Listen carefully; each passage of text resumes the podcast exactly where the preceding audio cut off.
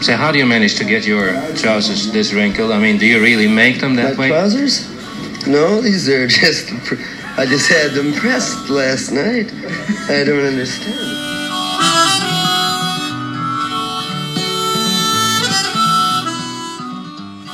Välkomna till Vi snackar Dylan. Och det här kan vara kanske 86 avsnittet eller något sånt här astronomiskt. Och jag är värd Magnus Ringborg och jag sitter här med Ulf Wallin. För första gången gäst. Härligt! Ja, men så underbart att få komma hit. Ja. Och till alla lyssnare, han pratar skånska alltså. Ja, Är nej, det gör jag inte alls. Ja, ja, men det får gå. Det får Ja, gå. det, det går. Jag tolkar om det behövs. Ja. Du, eh, du har en tröja med Buddy Guy på det. Absolut. Vem är Buddy Guy? Han är väl en av de nu eh, största legenderna. Det är fortfarande levande, så vitt vi vet, inom bluesmusiken. Han närmar sig ju nu, det är 90, men han är väl 87 i år tror jag. Och han har, spelat finns en, fortfarande aktiv. han har spelat in en låt som heter I'm 74 years young. Exakt, ja. Men du har inte hunnit bli 74 ännu? Nej, jag väntar lite. Jag Ja, väntar lite. ja. Några år till får det gå, tänker jag. Men du har också något slags förhållande till Bob Dylan. Ja, men det kan man väl säga. Att, och den relation jag har till honom. Jag har försökt fundera inför jag skulle prata han här. Så det bästa sättet jag kan beskriva det är om man jämför med en gammal morbror. Aha. Jo, men du tänker en sån här som man träffar ibland. Han finns alltid där. Om man tänker tillbaka. Jag tänker tillbaka. Hur länge sedan är det man lyssnade på Dylan första gången? Ja, man var inte så jävla gammal då. Va? Och sen har han funnits där alltid. Och ibland har man inte brytt sig om han. Och sen dyker han upp. Och ibland har han varit jävla pain in the ass. Den här, alltså du vet hur morbror kan vara va. Ja, ja. Och sen plötsligt man träffar honom så sitter man där och snackar. Har det jävligt trevligt. Så börjar man, för var gång man träffas så förändras ju både man själv och han. Och så plötsligt börjar man omvärdera det som var innan också. ja. Nu, nu, jag, jag tänker på en gammal morbror jag hade som, som var typisk för där man träffade kanske en eller två gånger om året. Och, och som ju var för, förfärligt typig ibland och förfärligt trevlig ibland. Och det tänkte jag det var det bästa beskrivningen jag kunde hitta. Sån är Bob för dig. Sån är Bob för mig precis. Så ibland har det gnistrat till och det har varit, och ibland har det bara blivit, ja, jaha. Och jag bad dig välja en låt nu då. Ja. Och så svarade du, ja men det är svårt. Det var många som dök upp. Det, det, det, jag menar, i och för sig den första som fastnade. Det var den här gamla Oxford Town. Ah! Kan man sjunga på det viset och komma undan? Minns jag att jag tänkte. För att då var jag ju mer upptagen av typ Beatles och skönsjungning. Ja, ja. Och han kom undan. Och så var jag också upptagen. Men varför sjunger man så illa om Oxford? Till, till ett tag förstod jag att det var inte Oxford i England. Nej. Det var en annat Oxford Town i USA. För det handlade ju om eh, eh, färgade och hur färgade blev diskriminerade. Eh, så, så tänkte på den. Och sen där jag på nytt fick och lyssnade in mig på den här skivan John Wesley Harding. Det var ju en annan släktingsfel höll jag på att säga. Det var ju Jimi Hendrix förstås.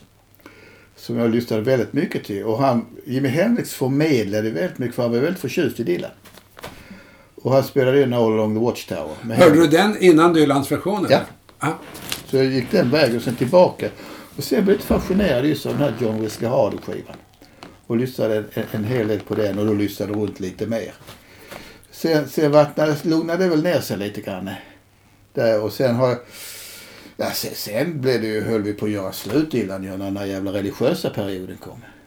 Den hade jag inte lätt med. Nej. Slow Train och Shot of Love och sånt där. Ja. Men jag måste säga att det som, med, som den här morgonen när han dog och man fick se vad han, hans liv hade varit så omvärderade jag honom. Men nu lever ju Dylan, vad vi vet i alla fall. Och eh, den här perioden och det här religiösa, jag har faktiskt införskaffat den här eh, konserterna som kom ut nu alldeles den här bootleg-serien. Ja, ja. Jag är rätt så. Och det blir ett sätt att upptäcka Dylan på nytt för Ja. mig. Jag hittade den på en sån här begagnad skivaffär. För, för några hyfsad slant. Det var rätt bra. Ja. Ja, så nu Ja. omvärdera alla gamla värden eller vad det heter. Ja, ja, ja, ja, ja. okej. Men nu så kom du ändå fram till... Ja, det var ju för att vad har ju då sedermera vårat in sig. Och det var ju... Den skivan kom egentligen då, så blev det lite lugnare. Men jag fick ju en ny sån här omstart med Dylan då. När den här Time Out of Mind kom. Ja. Och jag tyckte det var riktigt jävla bra. Ja. Och den kom ju samtidigt med en stor omställning i mitt liv. Och den här Love Sick, som ju då handlar om... Han kan ju vara både romantiker och lite rå emellanåt. Tycker jag. Men det här handlar ju om hur han är så upptagen av någon han är förälskad i. Men kan jag inte få, snälla låt mig slippa men jag vill ju bara vara med dig. Ungefär. ja. Sick of love, love, sick. Jag kan inte bli... Och går där på gatorna och det, det är rätt så eländigt och det dunkar på och ja, lite sådär. Rätt så eländigt. I'm walking the streets that are dead. Exakt. Eller hur? Det är för jävligt. Här är han i botten Ja, alltså. exakt så. I'm walking through streets that are dead. Och det här samtidigt som jag då byter totalspår i mitt liv. Skiljer mig, hittar en ny kvinna, börjar flänga upp till Norrland. Varannan vecka, bo där uppe och bo här nere. Livet blir minst sagt komplicerat. Och detta bara för att jag vill vara med denna nya Ja. kvinna. Och det, det känner man, det, det är ju inte, förnuftigt är det inte. Så det här med, det är mer som en, man är drabbad av en sjukdom. Ja. Det var lite det som gick rätt i mig. För det var ungefär samtidigt. Så vi höll på och började hålla på att ställa om mitt liv totalt. Alltså han, har ju, han är ju drabbad av en sjukdom. Han är ju sick. Va? Mm. Och han, han han är sick of li- Alltså han är, han är sjuk därför att han inte får träffa den här kvinnan eller hon inte vill träffa honom. Nej, eller vad det är. Men han är också sjuk utav själva kärleken som Mm. han inte mår bra av. Precis. Och så, och så eh, säger han på ett ställe I'm in the thick of it. Jag har aldrig hört det uttrycket förut. Nej. Det är så att vara mitt i det, var man än vänder sig så kommer man inte undan. Nej. Han är fast. Ja, han är fast. Han kommer fast. inte ut. Nej. Och därför tänkte jag att man börjar fundera. Sen, sen kan vi ju säga att när, när vi sen, eh, något, några år senare gifte oss, Karin och jag, så hade vi ju en Dylan-låt som var bröllopssång. Så vi dansade brudvalser till så att säga. Och det var den där Wedding Song förstås från Ja, ja, ja. ja. Planet Waves. Det, det, det är ju så här mer bara sockersött romantiskt. Ja, ja, ja. Och det passade ju där. Men det passade inte riktigt att plocka ut för det var ju liksom för den stunden. Okej. Och när det väl hade lugnat ner sig och vi hade kommit i ro med att nu skulle vi bo tillsammans och gifta oss och så. Så att det var det.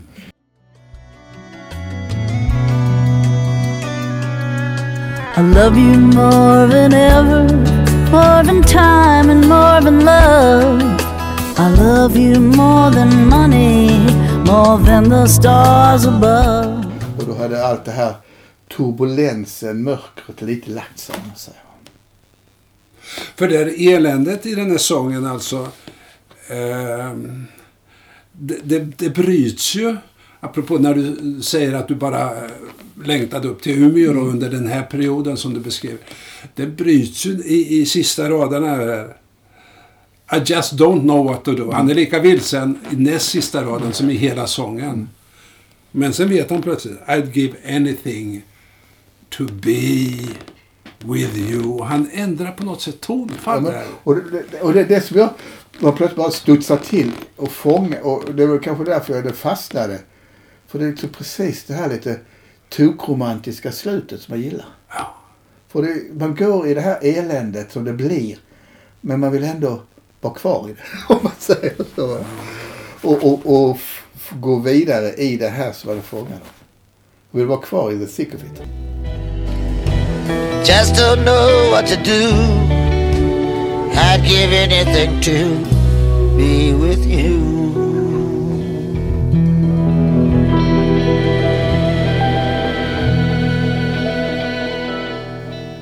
Det är ju ett konststycke som man kan göra ibland. Att vända en stämning alldeles, alldeles mot slutet som man gör här.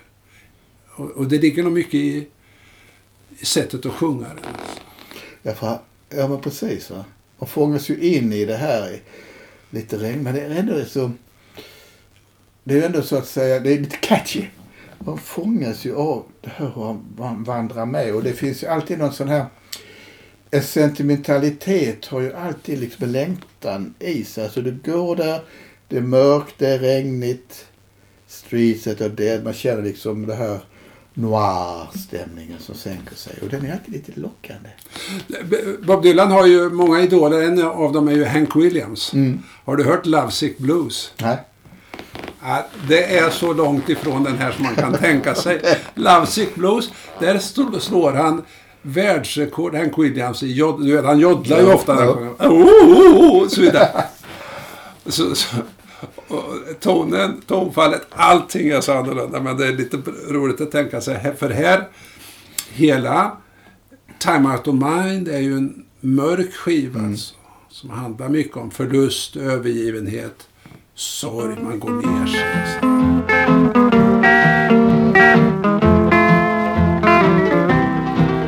I got a feeling of the blues, oh Lord, since my baby said goodbye. Lord, I don't know what I'll do.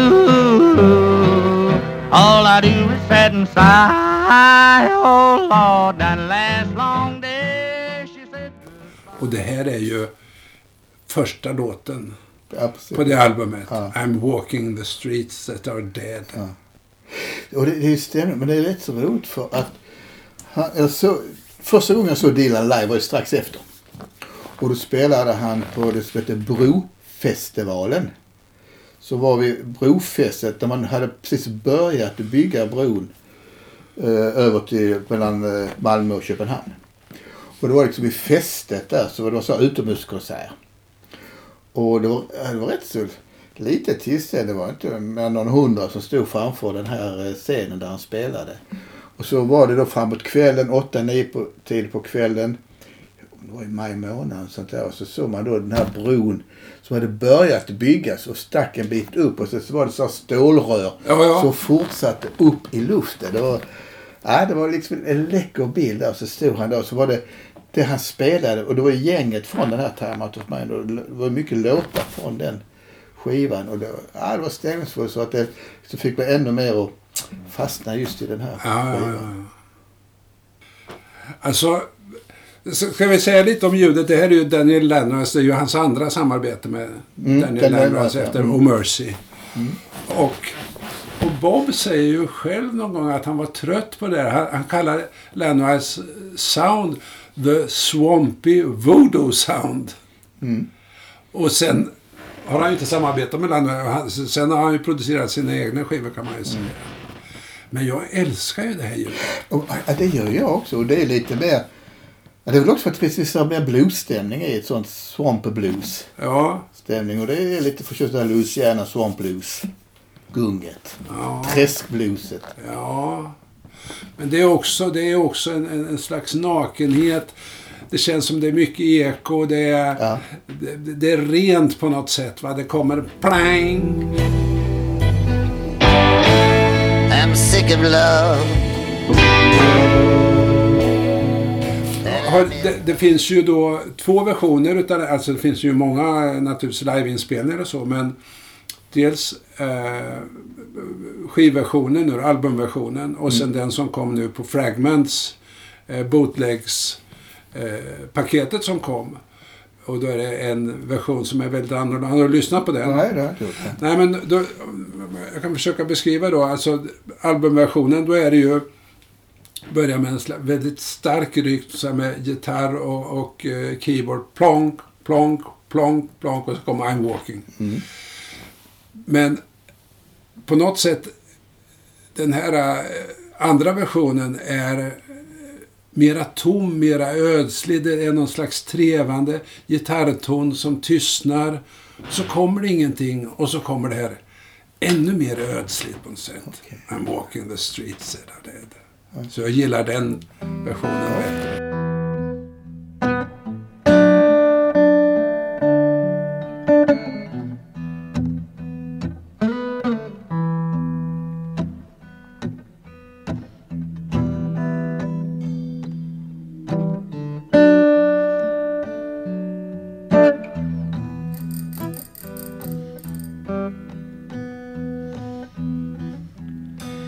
Walking through streets that are dead.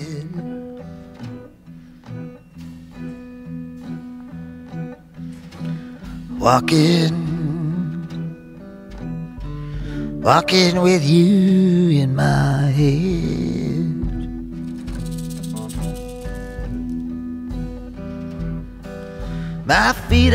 So tired. Alltså, det som ju, jag kan tycka är fascinerande med, med, med Dylan det är ju när man hör han framför sina låtar. Han gör dem ju aldrig lika.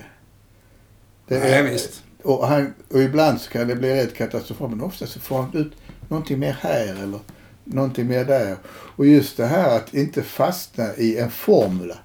Att göra allting på samma sätt. Det tycker jag är liksom väldigt tilltalande. Ja, ja, ja. ja. ja.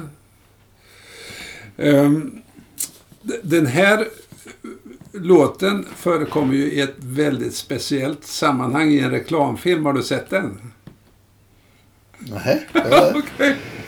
Då ska jag, då ska jag försöka beskriva den.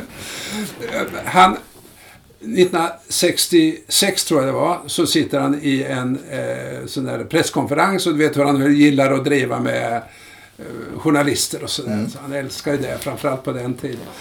Och så eh, kommer det en sån där tokig fråga. Du Bob, om du någon gång skulle... eh, Kan du någon gång tänka dig att sälja din musik till reklam? Då säger han, well, probably ladies garment, säger han. Möjligen om det gällde damunderkläder och så skrattar han men jäkligt roligt. If you were going to sell out to a commercial interest, which one would you choose? Bob, have, Um, ladies' garments.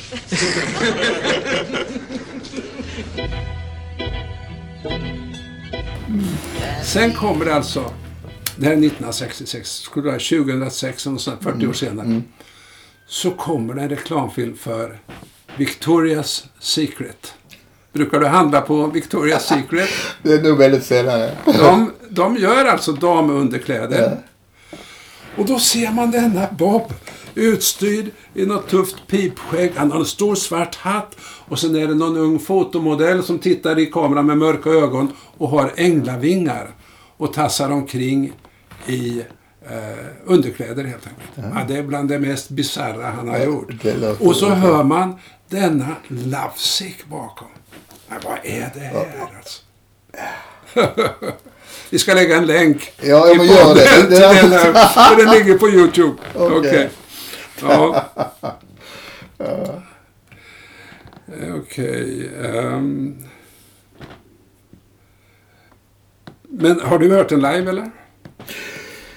Ja, alltså den hörde jag live då. Ja, just det. På Just den här det. konserten Ja, ja. där i För, för när jag har lyssnat på några stycken så är, så är det ändå ganska likt, apropå det att han alltså, brukar göra om. jag minns inte annat att det var rätt så likt. det. Ja, ganska likt albumversionen med det här eh, introt med piano och, och gitarr och så vidare. Eh, till exempel en från Oslo 2017 som jag lyssnar på. Mm. Står han bredbent med micken sådär och vita hatten och sådär. Men, men det är samma komp Mm. ungefär. Så det är förvånansvärt att han inte har gjort om den Mm. mer, mer än så. Vi gjorde ett test igår när han var... Vad, kan det ha varit? Nio? 09 kan det ha varit på att jag har en väldigt god vän som är väldigt Dylan-upptagen. Och så hittade jag en sån här sajt, nederländsk sajt där de hade bootleg-inspelningar från alla hans europeiska konserter. Ja, Så laddade jag hem dem och brände. På den tiden man brände ja, ja. ja. CD-skivor. Och så får jag för mig det var då han, min gode vän, han, han fyllde 60. Så fick han, om det nu typ var 19-20 konserter då va. I förfärligt varierande kvalitet. En del var nästan olyssningsbara. Men Ja. ändå va. Och jag, har, jag har själv den uppsättningen kvar va. Jag riktigt klarat av att lyssna igenom allt. Men jag har gått igenom för att få på varenda konsert lyssna just på Blowing in the Wind. ja okej. För jag ville testa av det här. Ja. Jag hade hört. För då hade han i någon intervju sagt ungefär. Do you ever hear me do the same song twice? I don't do that. Ungefär va. Så tänkte jag skulle testa det och så lyssnade jag igenom den här blowing, in- just Blowing in the Wind som så dödsklassisk så att säga. Och lyssnade på den versionen var och jag måste nog säga att han hade lite rätt. Ja, Det var inte speciellt likt. nej, nej. En del var betydligt bättre och en del var helt eh, förfärliga. Ja. Jag tycker, alltså det tycker jag är lite läckert. Och det får man tänka, man ska ta en annan parallell med Dylan. Så får man tänka på Wittgenstein. Men det ska vara lite filosofiska. Wittgenstein. Wittgen, Ludwig. Nu får du förklara. Ja, det ska jag gärna göra. Ludwig Wittgenstein var ju en person som ju inte gärna ville delta i aktiva, inkännande, öppna, nyfikna dialoger. Om man säger så. Men han hade förfärligt mycket seminarium och han ville alltid utveckla sina teser, sina tankar inför ett gäng åhörare. Men han klarade aldrig av om de som ville diskutera med honom. Då, om det kom några invändningar så blev han mest sur. Men han ville alltid testa sina tankar mot ett auditorium. Och han hade hela tiden lite nya tankar. Och då tänker jag, när man ser honom på bild, han ville hela tiden testa sina tankar eller sina varianter och sina sånger i ett auditorium. Men han vill inte riktigt veta av dem, så kan gärna stå med ryggen emot när han testar det. Men han vill vara inför ett auditorium. Och då tänker jag, det gör ju ändå någonting med när man sitter ensam på sin kammare eller man Ja. har folk. Ja. Som man vet är i rummet. Men de ska gärna vara tysta. Och testa dem med musikerna för de är ju inte Ja. alls förberedda Nej, ofta med precis. vad han gör för någonting. Så de tittar nervöst på honom. vad ska han hitta på idag? Försöker för, hänga med. Det var lite den parallellen. Ja, ja, ja, ja. Äh, Det här hör absolut inte ihop med Dylan, men när du säger Wittgensteins stil. Mm. Så han hade ju en dialog med Karl Popper. Ja. Karl Popper var inne och höll ett föredrag på Moral Society. Och det där med, vad heter det? Ja, ja, Wittgensteins Poker. poker. Ja. Popper pratar om filosofiska problem och eh, Wittgenstein säger då eh, lite så här infernaliskt. Kan du ge ett exempel på ett... Eh, eh nej, det var, nej, vi, vi klipper bort det. men, men, men i alla fall, då, då säger Popper som svar på en fråga. Ja, ett exempel. eh, Kan du ge ett exempel på en moralisk regel, säger han. ja, så var det. Ja, ja. Då säger Poppy så här. Ja, till exempel att man ska inte hota inbjudna föreläsare med eldgafflar. Ja. Men det var vid sidan om. Du, sitter du med texten framför dig eller? Nej. Du har den i huvudet? Nej, men jag kan ta fram den. Jag har den här bakom. Ja. Faktiskt. Med har jag glasögon. Finns i tjocka boken.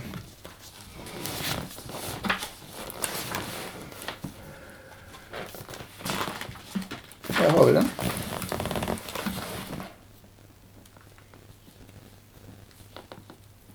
Där har du den ja. ja. För att, alltså det första, vi har ju sagt flera gånger nu, de här döda gatorna som går. Det är ju bara eländes elände i första versen. Och sen kommer den andra. Kan du läsa upp den? Did I hear someone tell a lie? Did I hear someone's distant cry? I spoke like a child. You destroyed me with a smile while I was sleeping. Ja, i min version står det And I made it so easy. Men jag har ju, hör ju det While I was sleeping. Ja, Från ja. albumversionen. Där då, ja. Och han sjunger den så här. Did I? Paus. ja. Hear someone tell a lie. Och sen igen. Did I? Paus. ja. Hear somebody's distant cry. Det är så suggestivt. Va? Och vad är det här för någonting? Så kommer det I spoke like a child. And you destroyed me with a smile. Vad är det för någonting? Medan jag sover. While I was sleeping. Ja, Är det, och då plötsligt, för att när det, det, det, jag kan tänka när, när det kommer den, det är också en twist där va. ja. Så vad är det egentligen som har hänt? Är det min föreställningsvärld? Eller är det någonting på riktigt? Eh, För att om det är liksom i en dröm, han går ju ensam. Hör jag någonting? Nej. Eller sover jag? Eller drömmer jag? Alltså, det finns ju en overklighetsstämning i, i den twisten där. Och att eh, du- eh, påverkar mig, du får mig att Ja, man är kanske inte så klok och vis när man är lovesick. Va? Jag pratar som ett barn. Så Men- men jag får en förstör annan- du mig med ett leende. Ja, men jag får en annan Ja. bild. För, för, han beklagar sig, allting är ett elände och det är så synd om honom. Men så, did I hear someone tell a lie? Då, då tänker jag att det kan vara självreflektion. Vem var det som själv, kanske har ljugit? Kanske jag har någon del i det? Är det jag som har ljugit? Han vet inte riktigt.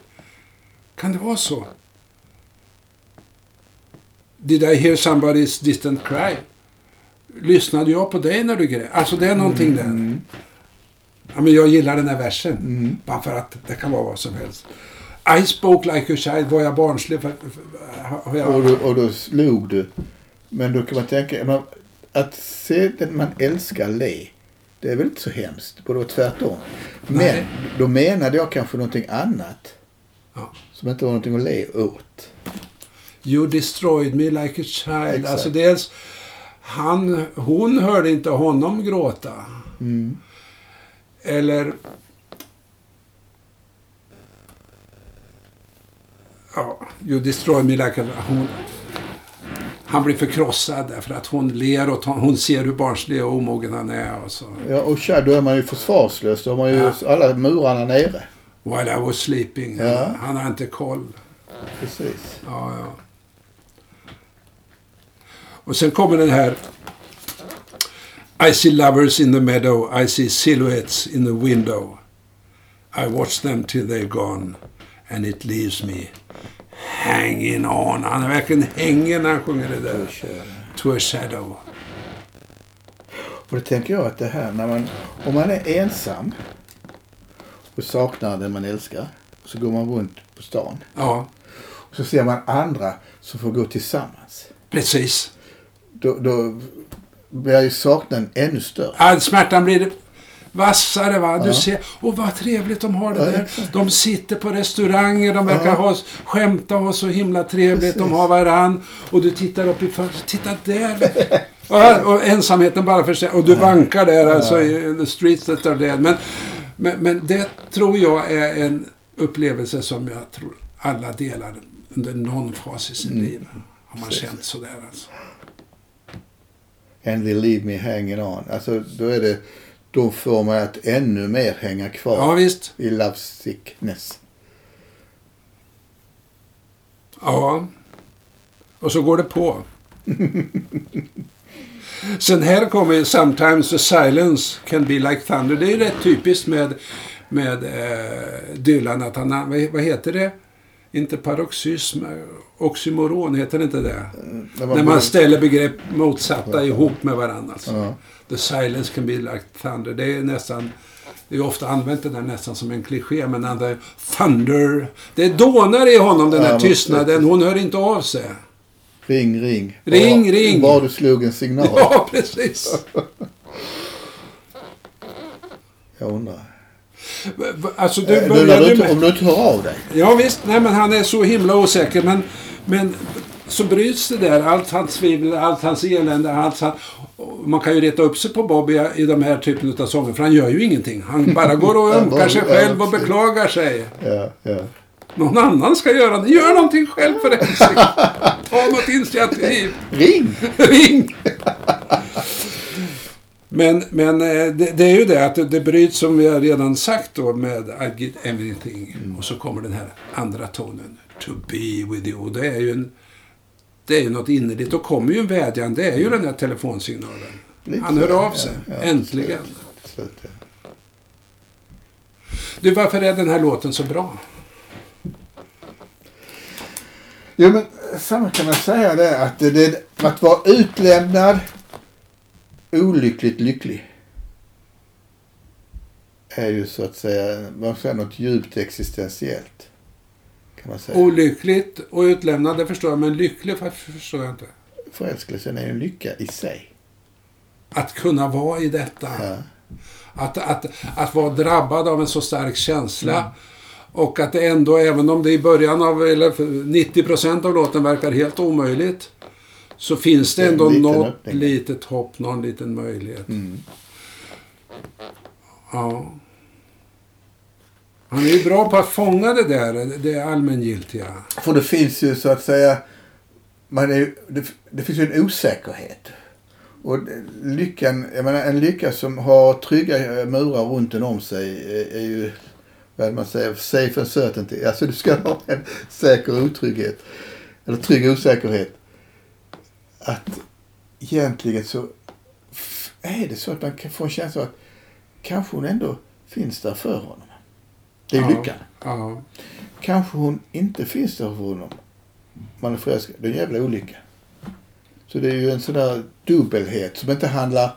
Alltså hans ambivalens är ju inte mot att vilja vara mot henne utan vilja tro att han kan få lov att vara med henne. Alltså, jag skulle nog säga att det som jag gillar bäst med den här är inte texten och innehållet. Innehållet är ju på ett sätt banalt. Absolut. Men, men Bob är ju en mästare att kunna göra det banala. Skapa ett spänningsfält där i det. Men det är sättet han sjunger det. Det är det är dröjande. Det här Ja, eh, otroliga ensamheten och längtan som är så, så, så stark. Danan kommer den som gitarr. Danan som en pisksnärt var mitt i. Det är suggestiv och ödslighet. Och jag tycker det är väldigt bra musik. Så man, att man gungar in i den. Ja. Så att det är ju inte... Man tror så att ser ut så här.